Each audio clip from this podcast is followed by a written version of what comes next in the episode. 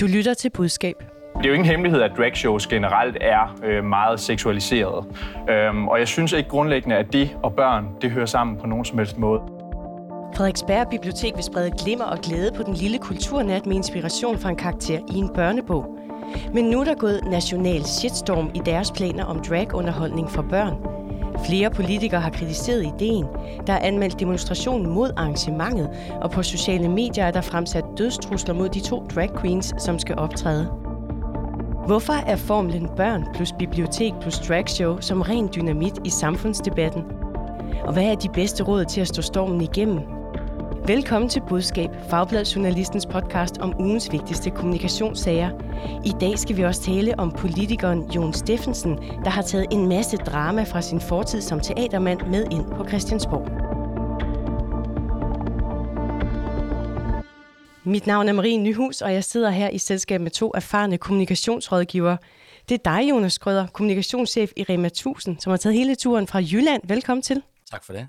Og så har vi dig med, Thomas Hundsbæk, kommunikationschef i 3F og tidligere særlig rådgiver for de radikale Sofie Karsten Nielsen. Velkommen også til dig. Tusind tak.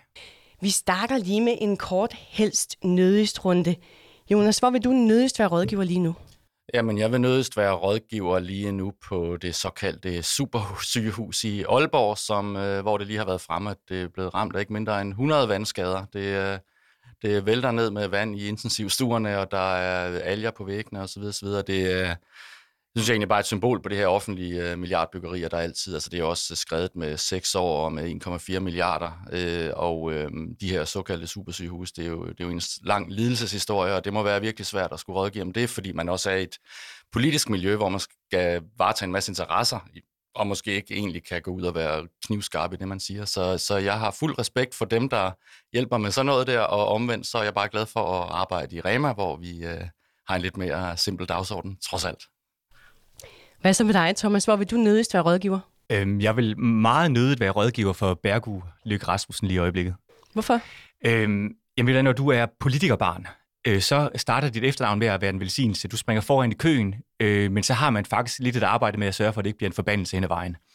Øh, Bergo har med øh, ikke særlig god hjælp fra sin far her øh, fået forbandelsen nærmest øh, med det samme. Hvorfor siger øh, du, det ikke er særlig god hjælp fra sin far? Jamen, alt det, der klæber til Lars Løkke Rasmussen, er negative ting. Der er også positive ting, der klæber til ham, men det har Bergur nærmest fået dåbsgave her som politiker.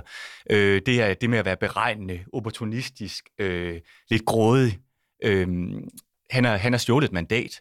Øh, der er ikke rigtig nogen egentlig forklaring ud over, at det er sgu smart for far det her. Så han er også sådan lidt en marionetfigur øh, for sin far. Det bliver det nede med op ad bakke øh, for Bergur og Lykke Rasmussen at skabe sin egen personlighed her, som gør, at han kan bryde den der forbandelse, der bliver for ham at være Lars Løkke Rasmussens søn. Så du køber ikke hans forklaring om, at han er kommet frem til, altså Bergur, at han har en større fællesmængde med Moderaterne end med Venstre? Ja, det må han jo, øh, det er jo hans, jo hans egen vurdering, som han må sige herfra til evighed. Han skal jo få vælgerne til at tro på det, og det tror jeg faktisk, der er en ret få, øh, der tror, øh, at det, der han er drevet af her. Han har jo taget et mandat, som han nærmest ikke har fået personlige stemmer til, og flyttet det over i et andet parti.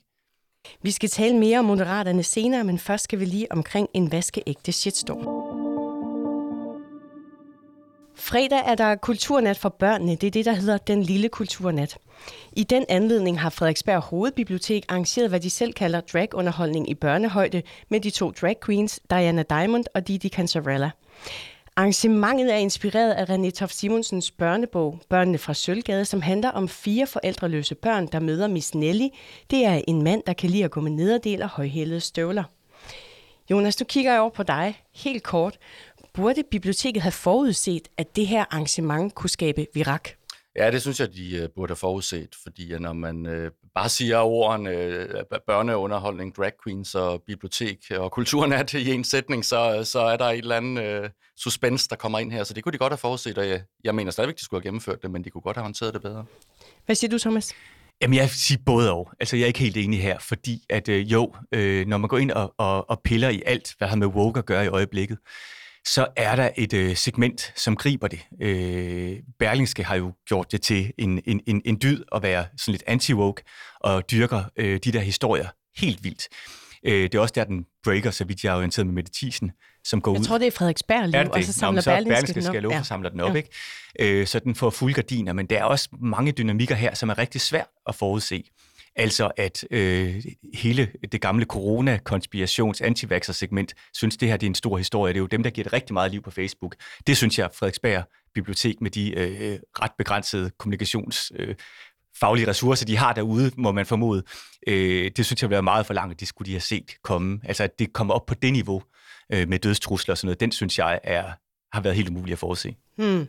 I hvert fald så er det faldet flere politikere fra brystet, blandt andet Dansk Folkepartis Mette Thiesen, som først gik i Frederiksberg Liv og siden også i Berlingske med sin kritik. Her kommer lige et citat. Jeg mener, at der er tale om en politisk agenda, som de voksne presser ned over hovedet på børnene. Det er en identitetspolitisk glidebane om kønsforvirring af børn, og det gør det kun mere problematisk, at man også afholder arrangementet for offentlige kroner. Hendes partifælle Mikkel Bjørn tog også kritikken, kritikken med i God Aften Live. Det, jeg frygter, at det her det kan være med til at bidrage til, det er øh, en idé om øh, blandt øh, meget unge børn, øh, altså børn i 2 til 2 til 12 års alderen, tror jeg, der stod i det oprindelige opslag, det er så ændret til 6 nu. Øh, men altså børn, meget, meget små børn, om at køn grundlæggende er noget, vi selv vælger. Der stod også, at du kunne få lov at tegne din selvvalgte familie og sådan noget. Det er jo en, en del af en, en dagsorden, der kører meget i øjeblikket, om at køn og identitet og alt sådan noget, det, det hele er op for grabs. Alt er, alle bolde er op i luften. På sociale medier, der har det ført til deciderede hadbeskeder og dødstrusler. Blandt andet har TV2 Kosmopol refereret kommentarer som, jeg havde dræbt det med mine bare næver, og børnestrip med en kønsforvirret pædofil. Thomas, du har læst selve arrangementsbeskrivelsen, som biblioteket har skrevet den. Hvad, hvis vi lige skal dissekere det lidt nærmere, måske endda lave sådan en liste, hvad er det ved det her arrangement, som gør, at det rummer kimen til en shitstorm? Jamen altså, det, det, det prikker jo ned i det der øh, woke, øh, som, øh, som i sig selv har rigtig, rigtig meget øh, energi øh, på yderfløjene, og det er yderfløjene shitstormen normalt bliver lavet. Øh, her, her er der faktisk to, hvis man skulle kigge sådan ret kynisk på det, og jeg synes faktisk, man bliver nødt til at lægge afstand til de her dødstrusler øh, og sådan noget inden. Det er ikke to lige værdige, der behandler sig lige grimt. Der er en fløj her, som behandler og opfører sig meget øh, værre end den anden fløj. Det synes jeg bare lige, vi bliver nødt til at sige. Men der er to fløje her, som begge to har interesse i det her. Øh, der er, øh, man kan sige, DF går ud og griber den rigtig hårdt. Øh, man ved fra amerikansk politik, at der er en strømning, og der er rigtig, rigtig god øh, eller der er et stort segment, som er meget modstander af hele det her woke-bølge. Øh, og den, øh, så de har interesse i at dyrke den. Og så er der en modfløj, øh, LGBTQ øh, segmentet, som jo også gerne vil have den her debat om mangfoldighed. Og, som, og, og det sker jo tit, det at yderfløjer kan bruge hinanden. Og der går øh, Frederiksberg øh, Bibliotek øh, direkte ind og siger, giver begge de to en hel masse gødning, som de kan... Øh, som de kan, øh, som de kan bruge til at øh, hvad skal man sige, lade deres, øh, deres interesseområder øh, øh, komme øh, blomster ud i fuld flor. Ikke? Øh, så, så, så det synes jeg faktisk er det vigtigste. Øh, og så er der jo den her ubekendte faktor, som jeg tror, vi som kommunikationsmennesker øh, skal vende os til. Den er der lidt mere, end vi er vant til. Der er nogle lommer og nogle bobler derude, som kan aktiveres.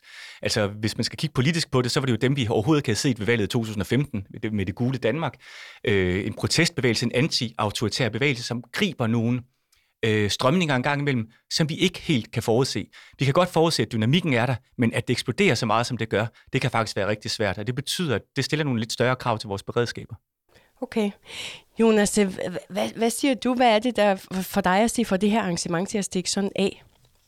Jamen, det, det er jo, øh, som Thomas siger, at øh, det her, det har, det rummer øh, en fortælling, som øh, de her fløje kan bruge i hver deres retning. Øh, det, som øh, DF, de fortæller historien om, at øh, alting var bedre i gamle dage, og det, som øh, Copenhagen Pride-formanden, han synes jo, at vi skal jo kunne rumme hinanden, og så videre, så videre, ikke også? Øh, så derfor så så, er det jo et, øh, så bliver det jo sådan en platform for, for den her diskussion. Der bliver tændt op under nogle stærke følelser. Ja. Vi skal også... Ja, jo, men så synes jeg bare, det er interessant, det Thomas han siger omkring de her lommer, der er derude, som øh, kan aktiveres eller bliver aktiveret, når der sker noget, som virkelig har nogle rabiate holdninger.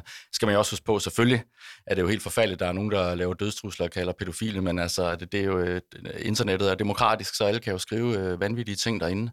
Øh, det, som jeg synes er interessant, det er ikke så meget det der med, det skal man have et beredskab for, de her lommer, det er, at man skal egentlig bruge dem aktivt i sin kommunikation. Hvis du vil ind i en samfundsdagsorden, så kan du faktisk bruge de der yderfløje til at spille bold op mod. Øh, at, at få din egen holdning på banen. Det, er jo, det, det låner vi jo her. Nu sidder jeg og arbejder i en privat virksomhed. Det er jo noget, egentlig, jeg låner, når jeg gør det meget fra den politiske øh, kommunikation, hvor man jo også kan se, at DF her, de bruger jo bare det her show til at, at komme i fjerneren og fortælle om, om deres egne holdninger, og, øh, og det, det, øh, det synes jeg er ret interessant, at man kan bruge de der, de der små lommer, der er derude, som Thomas sagde til egentlig, at få sin egen dagsorden sat i spil, fordi man så automatisk henter en, øh, en modstander ned fra hylden. Nogle af dem, der i hvert fald har grebet det her, det er øh, øh, Isla Tusindstråle og Liva Sunshine, som har arrangeret en demonstration fredag mod øh, bibliotekets Men det lyder jo som to drag queens. Ja, det gør det nemlig. det, er, det er nogle ret øh, specielle de navne. med. Jeg skal sige, at de har i, i deres øh, invitation til demoen lagt stor vægt på, at de også lægger afstand til dødstrusler og det der meget, øh, det de kalder øh, et hadsk sprog. Men øh, Liva Sunshine, hun var med i Den Uafhængige Morgen den her uge. Vi skal lige høre et klip. Folk må gøre, hvad det vil. Jeg har ikke noget imod, at øh, de her øh, skuespillere klæder sig ud som damer. Det må de gøre, men jeg synes ikke, det er passende i børnehøjde. Og det vil jeg gerne gøre opmærksom på. Og igen, forældrene må også gøre, hvad de vil. Jeg skal ikke bestemme over, hvad forældre gør. Jeg oplyser bare om, at, at jeg synes, det er totalt upassende, og det er vi rigtig mange, der synes. Og derfor så laver vi også denne her. Vi slår ring om børns uskyld på fredag. Jonas, du sagde til at starte med, at biblioteket kunne godt have set, at der vil komme en, en storm omkring det her arrangement, men du synes, de skal gennemføre det alligevel. Hvad er så din bedste råd til at stå den storm igennem? Hvordan skal de gøre kommunikationsmæssigt? Altså først vil jeg sige, at jeg synes ikke, at journalisten gør sit arbejde ordentligt her, fordi når hende der solstrålen siger, at det er vi rigtig mange, der synes, så synes jeg, at journalisten skal sige, hvem er I? Hvem er det? Fordi det, det, det er jo det der, det er jo det rene vanvid, at to-tre mennesker, der skriver noget på nettet, de kan få lov til at fylde så meget. Men det gemmer vi øhm, til mediemagasinet, den kritik, der jeg kan sige, at, at... Jo, men det, det handler... jo, men på, det, på Facebook ser det ud som om, der er 49, lige, der har tilmeldt jo, jo, sig demonstrationen. Det, det er heller ikke ret mange. Jeg synes bare, altså det kan godt være, det er til et mediemagasin, men man skal også bare huske som kommunikatør, øh, at hvis, altså, som jeg sagde før, man kan jo bruge sådan nogle typer der og hive ned for hylden til at spille sin egen bold og dagsorden op af. Og som medie synes jeg altså også, man har et ansvar for ikke at lade en være komme øh, til ord. Det er ikke, fordi jeg ikke synes, skal komme til ord, men det er bare det der med, det er vi rigtig mange, der synes. Man kan jo godt stille modspørgsmål. Jamen, når du også siger, at forældre må gøre, hvad de vil, Altså er det så ikke bare at holde sig væk, dem der ikke vil se på det der, og så dem der vil se det, på det, det, det får hun også det spørgsmål ja. et andet sted i interviewet, men tilbage til øhm, Frederiksberg Bibliotek. Hvis du havde stået med det her arrangement, og du havde forudset, at der bliver nok en storm omkring det, hvad er så den gode måde at håndtere øh, det stormvær på? Jamen det er jo at forudse, at det kan komme, og så sige, derfor sige, så er det jo genialt det her, at vi har fundet på det her, og, og, og bringe René Tof Simonsens øh, børnebog ud i virkeligheden. Øh, fordi det her, det kan være en platform for, hvordan vi som bibliotek egentlig kan gå ind og, og tage en diskussion omkring, hvad er det moderne biblioteks, det moderne bibliotek som en kulturinstitution, hvad er det, vores rolle er i samfundet? Jamen det er det selvfølgelig og, og formidle, at der, der er andre typer mennesker end, end dem, der kører lige midt på vejen øh, her. Og så tage hele den der brede diskussion omkring, hvad er det egentlig, vores rolle er i samfundet, og det skal der også være plads til. Det synes jeg jo kunne være super interessant, og det er jo også det, hun egentlig gør lidt at åbne op for bibliotekschefen, men, men hvis man sådan er forberedt på det der, så kan man jo stille sig lige midt i de der to skøre yderfløje, og så prøve at være sådan lidt savlig, og sige, at et bibliotek i dag, det er altså mere et sted, hvor man kan låne bøger, fordi det gør alle folk på nettet alligevel, så derfor så skal vi jo bringe oplysning ud til folket på en anden måde, og det er det her med til. Og for eksempel sige, at øh, nej, ikke alle seksårige børn går hjem og siger, nu vil jeg skifte køn, når de ser det her. Det er jo også en mulighed for mig, sådan en som mig som forælder, til at tage samtale med mine børn om, hvad er egentlig øh, et, et, hvad er et menneske, og, og hvad, hvad, hvem, hvem er du, og hvorfor er du det, du er? Så det giver jo også en mulighed for at tage hele den der diskussion, man kan tage ind i. Så det synes jeg egentlig, jeg synes faktisk ikke, at biblioteket misser det, for jeg synes, hun er ude og sige det øh, egentlig sådan lidt ret klogt, men det er jo kommet på, på, på bagkant for dem, så derfor så kunne de jo godt have været mere forberedt på det, men hun er meget dygtig, bibliotekschefen, egentlig til at, sætte nogle ord på det, der, hvor hun gør Så det. du kan godt lide de svar, de kommer med? Ja, absolut. Jeg skal sige, at jeg har været i kontakt med Frederiksberg Kommune for deres kommentarer. De har desværre ikke haft uh, tid til at stille op til et bondet interview, men de har sendt mig lidt på mail. Uh, blandt andet skriver de der, at det kom bag på dem, at der vil være så voldsom kritik af det her arrangement, fordi de havde tænkt, det handlede om en børnebog om den karakter, der hedder Miss Nelly. Jeg læser lige lidt op fra mailen.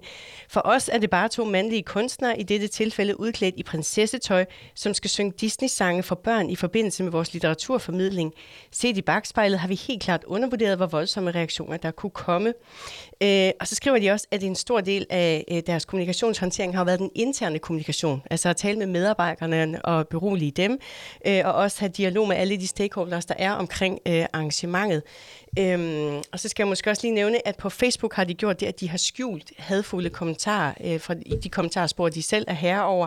Øh, og de har også nogle steder gået ind med sådan en, øh, en kommentar, som de sådan har copy-pastet den samme ordlyd, hvor de har begrundet, hvorfor de har valgt at lave det her arrangement, som de har. Så Jonas, du siger, at man skal øh, holde fast i arrangementet, men man skal også være klar til at træde ud i den samfundsdebat, der så vil opstå om det. Løser Frederiksberg øh, Bibliotek det efter din mening? Jamen, som jeg sagde, jeg synes egentlig, hun gør det dygtigt, bibliotekschefen, fordi hun har også været lidt i medierne, og hun siger egentlig det samme, som de skriver i det Facebook-opslag, så hun kender jo sin De har en talelinje, kan vi se. Ja. Ja. Øh, men de kunne godt udvide den. Jeg gad da godt se hende i øh, God Aften Danmark eller i Deadline, og så virkelig tage den der på sig omkring det bibliotekets rolle af nogle 2023. Mm. Øh, fordi jeg synes egentlig, det er en væsentlig diskussion. Altså i dag, hvor mødes man i dag? Det gør man jo selvfølgelig i Rema 1000 ude i de små byer, men ellers så skulle man vel egentlig for eksempel mødes i biblioteket som en, en kulturinstitution, og det synes jeg da, at hun har en unik platform for her. Og det der med, at det kommer bag på dem, det forstår jeg simpelthen ikke.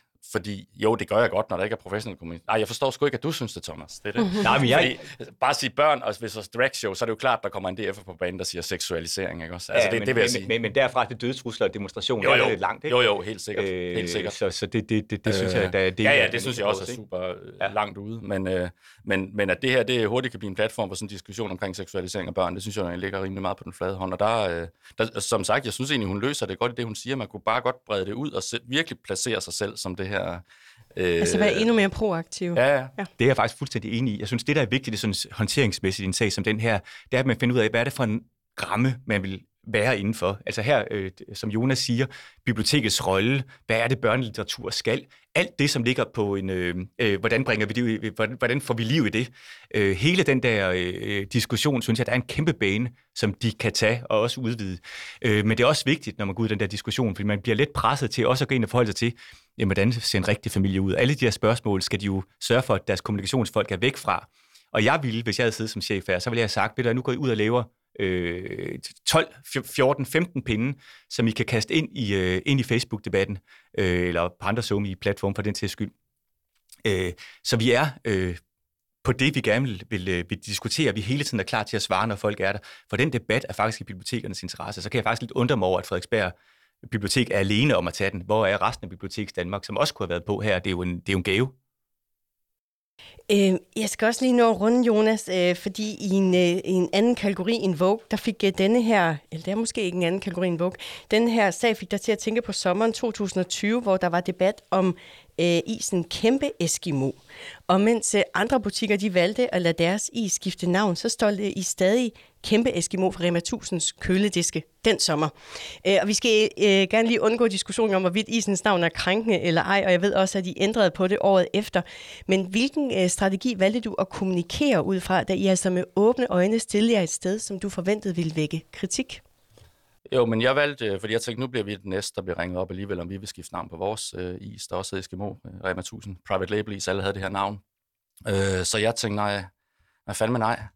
Øh, det gør vi ikke lige nu, mens mediedebatten kører, også fordi med den bevidsthed om, apropos det her med biblioteket, at 99 procent af danskerne synes jo, at det er tudetosset alt det der med at skifte navn, og nogen bliver krænket.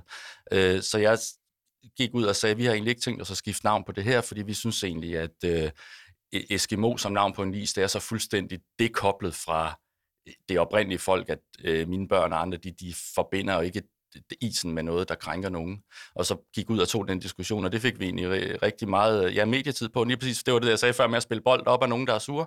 Og det, øh, det fik vi rigtig meget medietid på, og fik også rigtig mange mails ind på vores kundeservice, og folk de bakkede op og sagde, det var, det var, det var sgu godt. Og så dengang, sæson efter, da vi, ikke, da vi ikke havde flere emballager af de gamle, så tænkte vi, nå, hvad skidt, nu gider vi ikke tage den igen, så skiftede vi der navn til Solbærdrøm, som de andre. trods alt. Men det er bare et godt eksempel på det der med at gå ind og, og tage en position og sige, altså ikke bare opfinde, det var jo egentlig også vores grundholdning, ikke? Også, at, altså, vi gad ikke lade os styre af en eller anden aktuel dagsorden, men, men så tage den aktivt, den position, i stedet for at være defensiv og sige ingen kommentarer og alle de ting der. Så der kan man godt gå ud og være lidt mere argumenterende for tingene, og det mener jeg egentlig, man vinder på på den lange bane.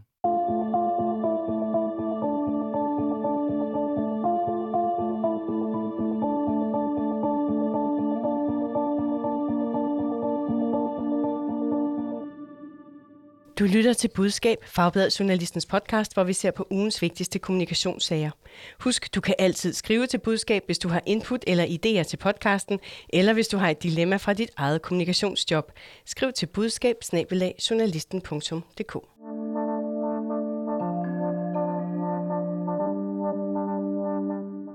Vi skal tale om Moderaternes kulturordfører Jon Steffensen, der har været i en flere uger lang mediestorm på grund af flere forhold fra sin fortid i teaterbranchen.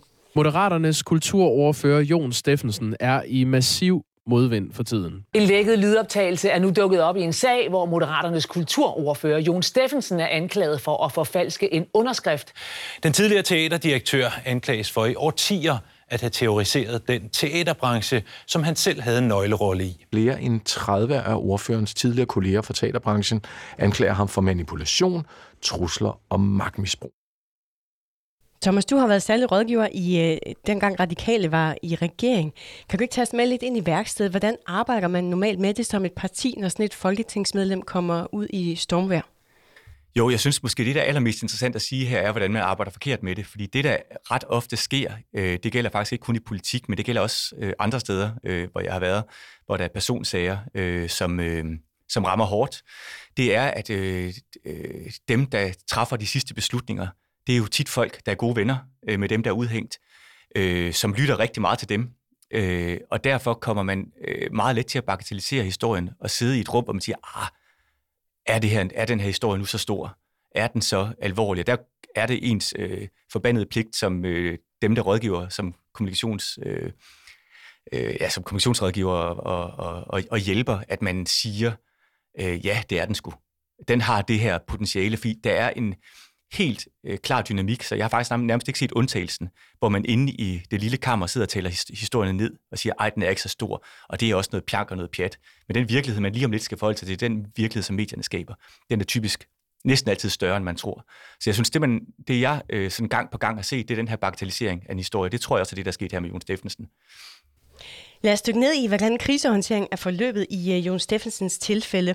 Uh, vi hørte før i nyhedssammenklippet, at TV2 kom med en kritisk artikel, hvor mange kilder og, uh, havde uh, anklaget ham for at have været grænseoverskridende på flere måder. Og den artikel, den kom han i forkøbet med et Facebook-opslag, uh, som han lagde ud tirsdag i sidste uge. Der skriver han, at der er kritiske historier på vej om ham, og så har jeg lige et citat fra hans opslag. Der er altid nuancer og flere sider af en sag. Jeg kan ikke gå ind i enkeltsager og kommentere på det lige nu, da jeg er på tjenesterejse i udlandet, men lad mig her sige, jeg kan ikke genkende det billede, der tegnes af mig, og slet ikke det sprog, jeg beskyldes for at bruge. Jonas, det her det er jo et opslag, hvor han lægger afstand til TV2's udlægning. Hvad får han ud af at gå ud, inden TV2's historie kommer ud, som du ser det? Det får han jo ikke ret meget ud af, øh, set i bagspejlet, men det øh, nogen mange gør, for eksempel Saxo Bank, der var på dagsordenen her tidligere at gøre, det er jo, at man går ud og prøver at give sin version af historien, og måske bringe nogle nuancer ind. Øh, Men hvorfor virker det så ikke for Jon her? Fordi han ikke siger noget. Han, han, han afviser jo bare fuldstændig, øh, at det er rigtigt, det der snart kommer i fjernsynet. Og det, øh, det er der ikke ret meget, det er ikke så løsningsorienteret. Øh, han bringer ikke noget nyt til tors, øh, nogle nuancer, noget som helst. Så, så derfor så gør han ikke sig selv en tjeneste der. Og man kan se på Facebook-opslaget, at det er blevet redigeret flere gange af Jon Steffensen, hvis det er altså ham selv, der har gjort det. Blandt andet så er han på et tidspunkt inde og tilføje flere længere afsnit om nogle af de navngivende kilder, som i TV2's artikel rækker beskyldninger imod ham. Og de afsnit, dem har han så slettet igen senere. Thomas, hvad siger det dig om hans krisehåndtering? Jamen altså, det er jo et tydeligt bevis på, at han, han, han vakler noget, men det er jo også uheldigt. Altså, krisehåndtering skal jo altid måles på, hvordan det bliver taget imod ude i modtagerledet. Og når man begynder at sidde og rette øh, i ting, så er man allerede i gang med at øh, undergrave sin, øh, sin troværdighed. Fordi, For det kan jo være, at han kommer til nye erkendelser, ja, det, eller får ja, men det er også, det er også, det, han det, er også, det er også karaktererne, de ting, han retter. Så er han inde og, øh, og hvad hedder det, øh, prøver at gå øh, nærmest noget, der ligner et modangreb. Så fjerner han det modangreb. Så undskylder han. Altså det bliver, det bliver meget, meget vaklende. Men jeg synes helt generelt, så synes jeg, der er en vigtig pointe omkring det der med at gå ud først. Øh, det virkede, og det var en super irritation for journalister for nogle år siden. Men der er sket et kæmpe skift der. Nu er det en del af, af, af, af, af noget, man forventer, at kilderne gør. Øh, og det gør jo sådan set bare, at man står lidt hårdere på sin historie, man er lidt mere forberedt, man tænker den der øh, ting ind. Det er sådan set fair nok. Altså, det er jo sådan, at når man har en, en stor øh, afslørende personhistorie, så kommer det lang, lang anklageskrift. Det skriver man først, og så ringer man til kilden bagefter, og så får de to citater helt ned i bunden af en halvanden meter lang artikel. Ikke? Øh, og nu øh, er der så en mulighed, som bliver brugt. For nogle år siden, der synes man, det var det værste spin i verden. I dag er det en del af det, den almindelige værktøjskasse for folk, der skal bedrive krisekommunikation, at man kan gå ud først. Som Jonas siger, så, er det, øh, så kræver det simpelthen også, at man har noget at gå ud med, for ellers kan det virke modsat. Det, er, øh, det, er, øh, det kan selvfølgelig øh, bidrage til, at historien ikke kan slås så hårdt op, men den effekt er blevet meget, meget mindre over de sidste par år. Fordi det er så kendt et greb. Det er så kendt et greb, og man kører med historien, og solohistorie har ikke, er, er ikke så stor en ting, som det var før. Det er jo en solohistorie, når man har den. Når man har gravet i noget, i, det som man har i Jon Steffensen i halvanden måned, så kommer andre ikke at tage den. Øh, så, så, så, det, så, så det er en det er et greb, som er blevet mindre og mindre effektivt, og som jeg derfor synes, man skal være mere påpasselig med, end man skulle for, for, nogle, for nogle år siden. Mm. Øh, men vi skal lige se, fordi dagen efter, at han kommer øh, TV2's artikel i forkøbet, så kommer øh, der så et nyt opslag fra ham på Facebook, hvor han skriver undskyld, eller det, det vil bare sige, det gør han ikke helt præcist. Han skriver sådan her. Jeg har været teaterchef i 22 år. Jeg har kæmpet for kunsten og teatrets sag, men artiklen fremlagt af TV2 er en anden side af historien. Og selvom jeg ikke er enig i alt fremlagt, må jeg erkende, at mennesker omkring mig har haft nogle dårlige oplevelser med mig som kollega og teaterchef. Det gør meget indtryk på mig. Jeg vil derfor gerne give give en uforbeholden undskyldning til de skuespillere og ansatte, som har oplevet dette. Det har aldrig været min mening. Og lørdag var han også med i TV2's nyheder. Når de har haft sådan en oplevelse, så falder det tilbage på mig, og det er også derfor, jeg undskylder. Vil det sige, at du undskylder til alle dem, der optræder i TV2's artikel? Alle dem, der medvirker i TV2's artikel, har jeg hermed givet en uforbeholden undskyldning for, at de har haft en oplevelse, som de ser som det, de beretter. Jonas, han siger altså ikke undskyld, men han siger undskyldning. Og så går han samtidig i rette med flere af de beskyldninger, som bliver rettet imod ham. Hvor godt virker hans undskyld? Jamen, den virker ikke ret godt, fordi det, han jo siger der, det er jo absurd. Hvorfor er det absurd? Det, det giver jo ingen mening. Fordi jeg kan jo ikke undskylde for det, du føler, du har oplevet engang. Hvorfor, hvorfor skulle jeg det? Øh, enten så må man jo undskylde, fordi man har gjort noget, som er gået ud over nogle andre, eller også så må man jo sige, øh, det, kan jeg ikke, det har jeg ikke gjort. Man kan jo ikke, jeg kan jo ikke undskylde for dine følelser. Så det er jo en absurditet, øh, og det er jo også derfor, journalisterne bliver ved med at køre rundt i det. Og så vil jeg også lige sige en anden ting. Øh, hvad så, hvis han siger undskyld? Så, altså, og lad os antage, at han har gjort alt det der. Det er jo ingen, der trods alt øh, ved, ved. Jeg ved det ikke. Jeg har ikke engang set TV2. Men altså, hvad hjælper det, hvis der er blevet gjort noget i fortiden, som ikke er godt? Er, er, er tavlen så vasket ren, når man siger undskyld? Det er jo et åbent spørgsmål. Jamen, ja, det er derfor, jeg spørger, om hans undskyld virker. Hvad siger du til det, Thomas? Jamen, jeg er fuldstændig enig. Altså, øh, det er jo sådan, at en undskyldning øh, har, den, øh, har jo kun værdi, hvis den er opfattet som oprigtig. Og så snart man ryger ud sådan noget, øh, du må undskylde, at, eller jeg er ked af, at du følte, det gjorde ondt, da jeg sparkede over benet, øh, så er man jo væk fra skiven. At man siger ikke, jeg er ked af, at jeg sparkede over benet, øh, men er ked af det, øh, som foregår i den anden person. Det er ikke ens egen handling, man lægger afstand til. Det er faktisk en klassiker øh, derude, når folk øh, forsøger at sige en undskyldning, de ikke rigtig mener, at de, øh, at de, øh, at de havner der. Øh, og det virker bare super, super dårligt. Det har faktisk lige før, jeg vil sige, at det ikke engang at det er, det, det, det er værre end at lade være fordi det virker uoprigtigt og kalkuleret. Så I siger, at Jon Steffensen kommer ikke i mål med sin undskyldning, og spørgsmålet er jo så, hvordan det smitter af på Lars Lykke og partiet Moderaterne. Øh, formand Lars Lykke, han kommenterede Jon Steffensen sagerne onsdag, hvor han sagde, at det ikke så kønt ud. Jeg kan ikke lide det billede, der er tegnet.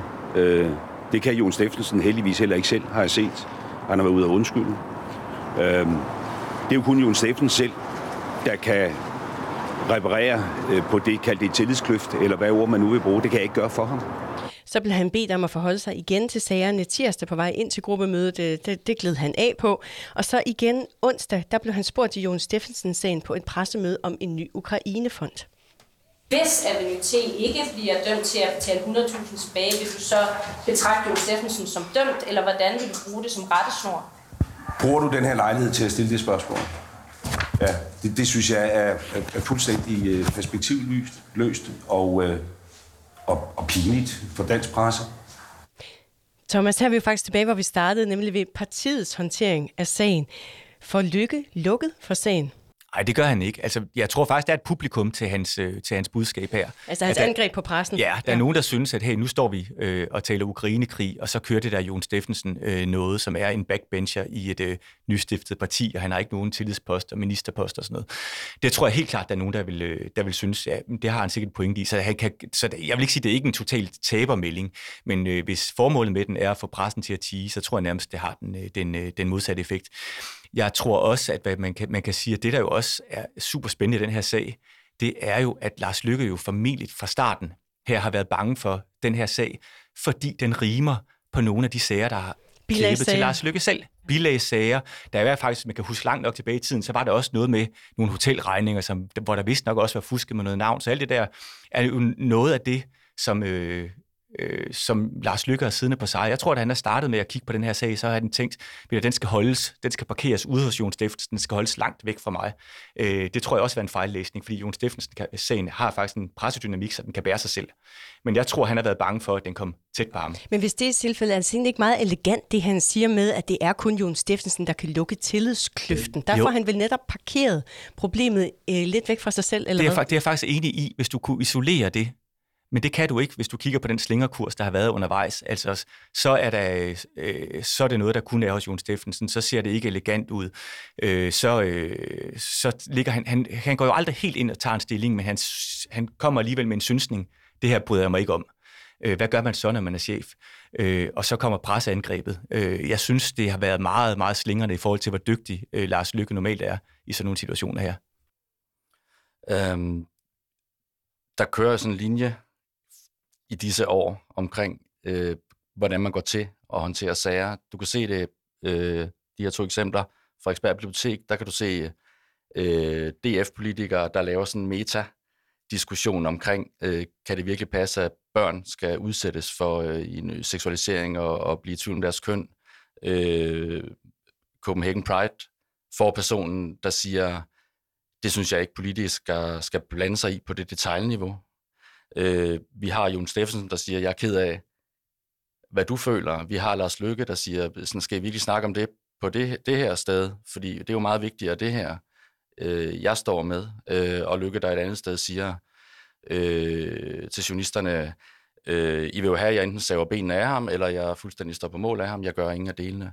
Hvis man ser helt alle de der eksempler, så er det jo, at man går oven på sagen. Man kører sådan en meta kommunikation på det, men man går ikke ind i sagen. Og det er derfor, øh, det er jo noget, vi selv, jeg selv praktiserer, det er, man kan faktisk være sådan lidt unik i sin kommunikation, hvis man går ind i sagerne, og faktisk forholder sig helt konkret til, hvad handler det her om. Som jeg sagde før, det handler egentlig om en is, der hedder Eskimo. Hvad er det for noget? Øh, for det bliver meget meta det hele. Det er, det, er, det er bare noget, man egentlig som kommunikatør kan, kan lære af, men også måske bruge nogle gange, hvor man hugger til, og så står man faktisk lidt stærkere, hvis man øh, faktisk går ind i tingene. Så ikke være bange for at være konkret?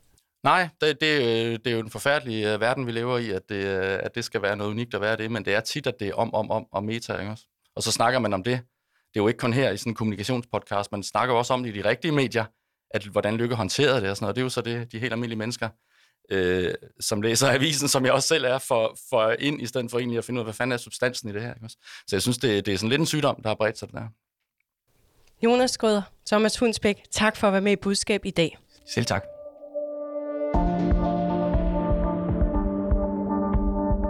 Du lyttede til Budskab, Fagbladet Journalistens podcast om kommunikation.